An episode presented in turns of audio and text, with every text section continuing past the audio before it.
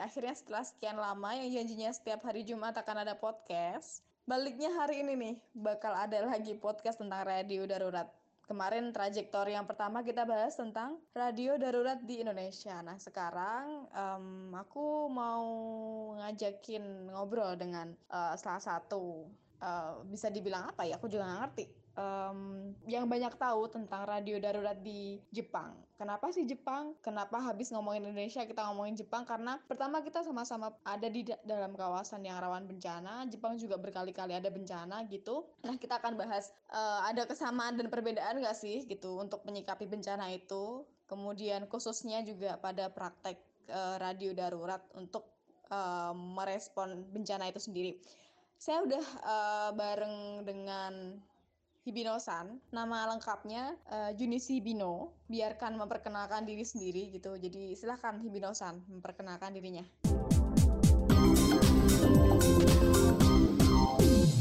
De, nama saya Junichi Hibino. Saya orang Jepang. Eh, tapi de, sudah lama melaksanakan de, aktivitas di Indonesia. Uh, Hibino-san, hmm.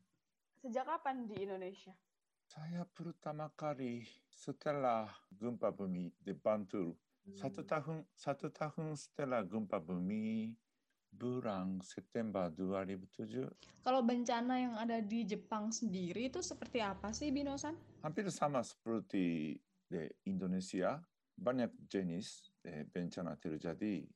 Contohnya di gempa bumi, di tsunami, tanah longsor, banjir, 아히라 히르이니 내 카레나 크라메 첸지 토반 베살 스린다 땅크 자판 브람 주리 브랑 오거스트스 브랑 세템바 세티압 데 타훈 데 바냐 오랑 데 무닝알 스프로 타훈 얀라르 데 군파 부살 담で津波やんぶさる、テルジャディ、ディ、ダイラジャパン、ウタラ、バニャコラン、イラキラ、15 de 15 ribu orang de meninggal. Cukup banyak juga ya angka 15 ribu orang meninggal dalam sebuah bencana. Um, lalu apa yang dilakukan oleh masyarakat setelah bencana selesai atau mungkin pasca terjadinya bencana gitu. Jadi mungkin belum selesai, uh, tapi setelah bencana datang gitu, apa yang dilakukan oleh masyarakatnya?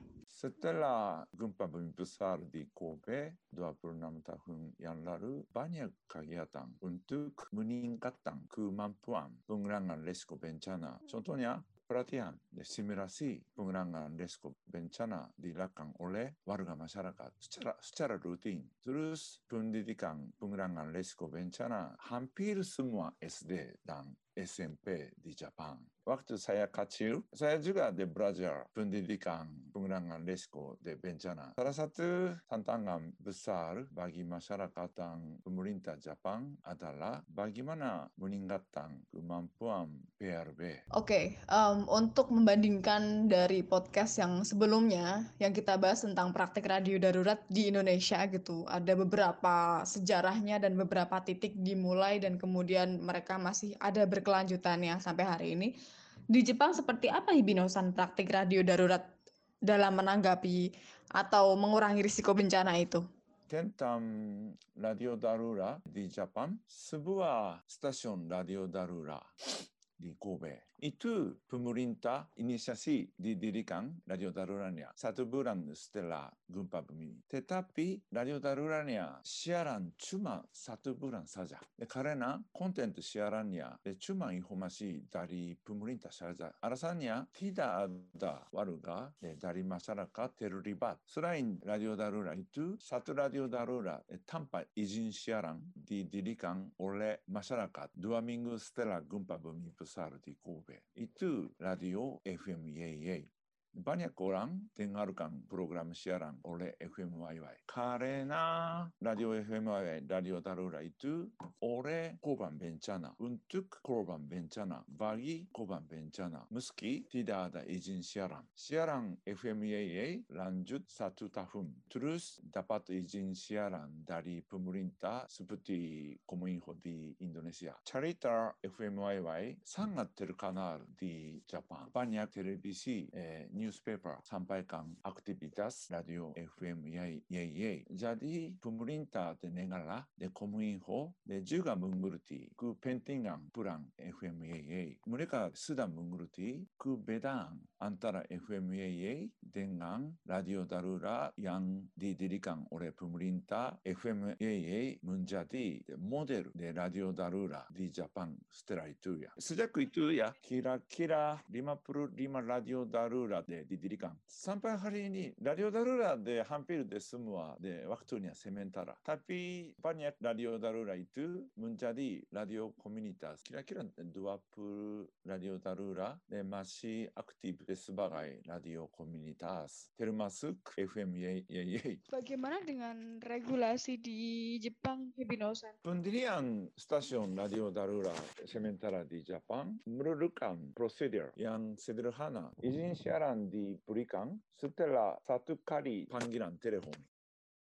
Dari pemerintah daerah di bencana Kementerian Komunikasi. Terus Kominfo di Jepang beri izin siaran, terus memutuskan frekuensi dan daya transmitter. Jadi maksudnya bencana terjadi, de hari bencana itu de radio darurat bisa didirikan di Jepang. Kalau de pemerintah lokal sudah tahu sistem radio darurat. Tentu saja tidak hanya pemerintah lokal, tapi masyarakat di daerah bencana kerja Tantangannya sebenarnya apa mendirikan radio darurat di Jepang? Masih ada kesulitan nggak? Ada, ada, ada, ada, ada. Yang pertama, de, Mhm. di Jepang terdapat sistem dan mekanisme untuk segera didirikan dan operasi radio darurat. ya. Jika bencana terjadi, namun masih banyak pemerintah daerah dan de, masyarakat yang belum mengetahui sistem dan mekanisme radio darurat. Itu maksudnya sangat sulit untuk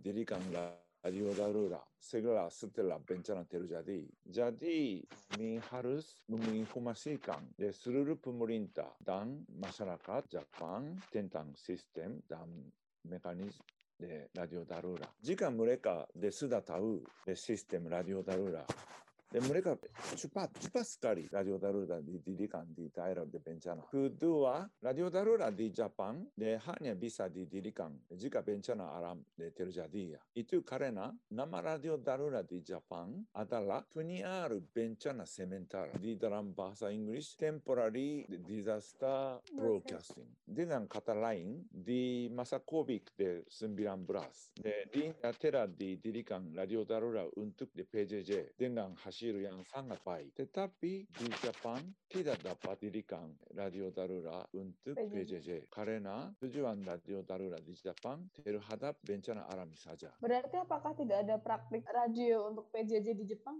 Hibinosan? Cuma radio komunitas saja. Jadi berapa banyak radio komunitas yang beroperasi untuk PJJ di Jepang? Sedikit saja. Menurut saya lebih sedikit dari 10 ya Hmm. di, di seluruh Jepang. Hibinosan, mungkin ini pertanyaan terakhir saya. Proyeksi ke depan tentang radio darurat dan radio komunitas untuk pengurangan risiko bencana menurut Hibinosan seperti apa? Hmm.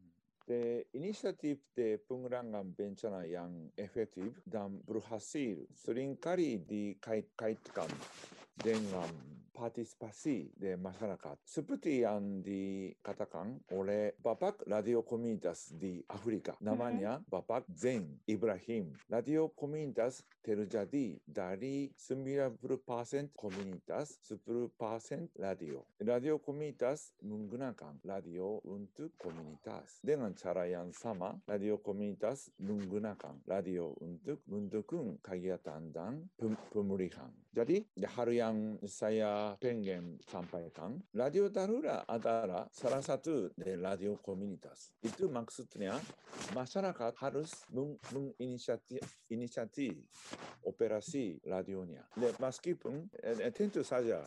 colaborasi dengan pemerintah lokal tapi inisiatif oleh masyarakat sangat penting. Jadi untuk majukan sistem dan regulasi eh, radio darurat, kita tingkatkan kemampuan de masyarakat untuk operasi de radio darurat. De pengalaman radio darurat di Indonesia dan pengalaman radio darurat di Jepang, dua pengalaman sangat penting. Jadi kita lanjutkan kerjasama untuk majukan sistem radio darurat. De, terus pengaruhnya harus di de, di share antara negara yang lainnya seperti Nepal, seperti Bangladesh dan eh, lain-lainnya. Oke, siap. Terima kasih Binosan. Uh, ada lagi Binosan yang kira-kira mau ditambahkan? Ya cukup. Binosan, terima Ya, kasih banyak untuk informasinya, untuk Ya, ya. waktunya juga. Terima Sama-sama. kasih mengganggu kesibukannya yang harusnya mungkin ada agenda lain. ya, Senang, senang sekali ya. gitu. Oke, terima Ya, kasih terima Binosan. kasih, kasih kesempatan ya. Ya. Ya, sampai jumpa Binosan. Bye-bye.